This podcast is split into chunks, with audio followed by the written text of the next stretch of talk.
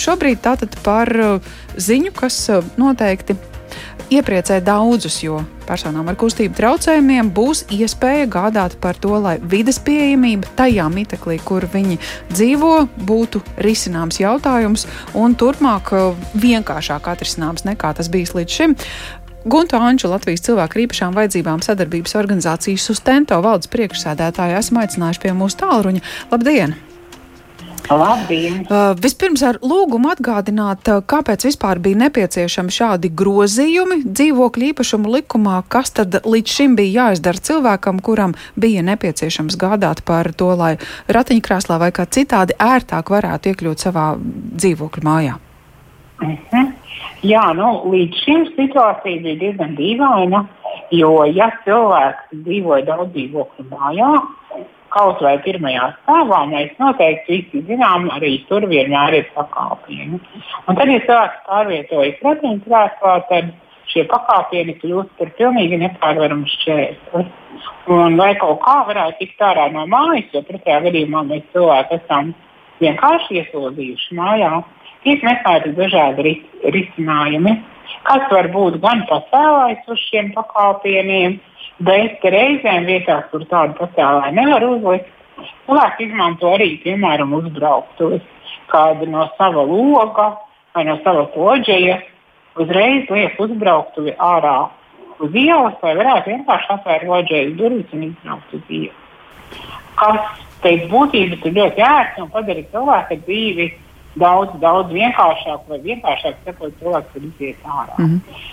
Un problēma milzīga bija tajā, ka, lai to darītu, bija nepieciešama visu kaimiņu uh, atbalsts, ir precīzāk paraksts, ka viņš neiebilst pret to, ka šī māja tiks tādējādi pārveidota. Nu, ka tur tiks ielikt vai nu pacēlājs, vai neiekārtot uzbraukt. Un lai cik dīvaini tas šķistu droši vien no daudziem, bija kaimiņi, kuri nebija gatavi dot savu atbalstu visdažādāko iemeslu dēļ. Piemēram, man privāti ir bijusi saruna ar kādu kaimiņu, kas teica, ka tajā vietā, kur tas cilvēks grib likt uzbrauktuvi, es esmu iestādījis savu vismīļāko puķi. Un, ja viņš tur uzliks uzbrauktuvi, tad man to puķi būs jāpārstāda. Es taču nevaru atstāt viņam to darīt. Un, attiecīgi, šā ļoti daudz savukārt cilvēku vienkārši nedzīvo savos dzīvokļos, mm -hmm. viņus ir grūti atrast, lai šo parakstu dabūtu. Tas radīja milzīgu birokrātisku barjeru, mēs cilvēkus ar invaliditāti ratiņkrēslā vienkārši ieslodzījām dzīvoklī kā cietumā, neļaujot viņiem iziet ārā. Šobrīd likuma grozījumi atceļ to lielāko šķērsli. Kaimiņiem, Jā. kam, kam ir kāda dārga puķa, vai, vai, vai vienkārši šķiet, ka nekas nebūtu dzīvē jāmaina, vairs mhm. nebūs nepieciešams vākt šos parakstus. Jā. Jā, tieši tā. Šodien mēs ļoti, ļoti, ļoti ilgi esam runājuši. Mēs ļoti ilgi runājām arī ar saimu. Mēs mēģinājām pierādīt, kamēr atradām dzirdīgas deputātu ausis, kas mūs uzklausīja un sagatavoja šos te, uh, likuma grozījumus. Beidzot, šodien, trešajā lasījumā, tā norma ir pieņemta un mēs patiesībā esam ļoti, ļoti priecīgi. No vienas puses, dīvaini, ka mums tik ilgu laiku vajadzēja to panākt, bet no otras puses, patiešām mm. brīnišķīgi, ka beidzot mēs Latvijā no ieslodzījuma mājās esam atbrīvojuši, es teiktu, vairākus simtus cilvēku, kas tagad varēs vienkārši tikt ārā. Uh. Tas ir tas būtiskais jauninājums, taču aizvien vēl paliek arī nepieciešamība uh, saskaņot, lai darbi atbilstu būvnormatīviem. Kā ir ar šo pusi, vai, vai būvnormatīvi ir pietiekami izstrādāti, lai tie palīdzētu arī jau tālāk rastot tehnisko risinājumu?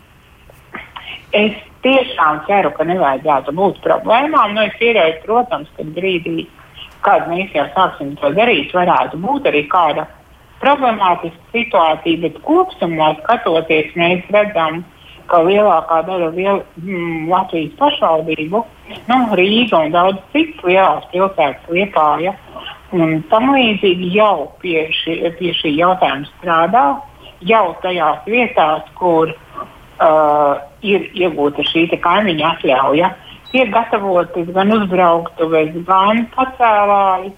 Un arī līdz šim visu laiku ir jābūt atbilstībai būvnormatīviem. Manuprāt, tas ir diezgan nu, mm. normāli tādēļ, ka nu, būtu diezgan muļķīgi uzbūvēt uzbrauktuvi, pa kuru tu vari nokrist vai kur var salūzt. Nu, nu, droši vien, ka uh, nu, būvnormatīvi ir pietiekami mm -hmm. tāds, nu, vajadzīgs ir nopietns dokuments. Neapšaubām. Uh, bet nu, bez šī, kāds ir tas, uh, tas ceļš, kā cilvēks meklē šī risinājuma iespēju, lai vidas uzlabojumi notiktu. Skaidrs, ka tas nozīmē arī finanšu piesaisti. Jā. Kā, kā tas tālāk tiek risināts? Uh, faktiski, nu, es teiktu, pirmais un svarīgākais solis Tagad, kad ir labā ziņa, ir jādodas uz savu pašvaldību. Mm -hmm. Ir jādodas uz savu pašvaldību, arī sociālās palīdzības dienestu. Un tur noteikti būs cilvēki, kuri palīdzēs un pateiks, kā kurā pašvaldībā to dara. Nav vienota likuma Latvijā. Es varu teikt, ka katram nu, teiksim, ir paveicies vai nav paveicies dzīvot pašvaldībā, kurā ir lielāks vai mazāks atbalsts. Tad, kad jūs esat aizgājuši uz savu pašvaldību, un noskaidrojuši, kā jūs to varat izdarīt. Ir jāraksta iesniegums, ir jānoskaidro, cik daudz un kādu līdzekļu nepieciešami, jo mājas ir ļoti dažādas. Un reizēm tā ir, kā jau teicu, pastāvājis. Tas varētu būt dārgāk, reizēm tā ir uzbraustuve, bet tad ir jāsaprot, no kurienes tā ir ārā, kas varētu būt lētāk. Tad attiecīgi arī pašvaldība pasaka, vai tas ir iespējams vispār.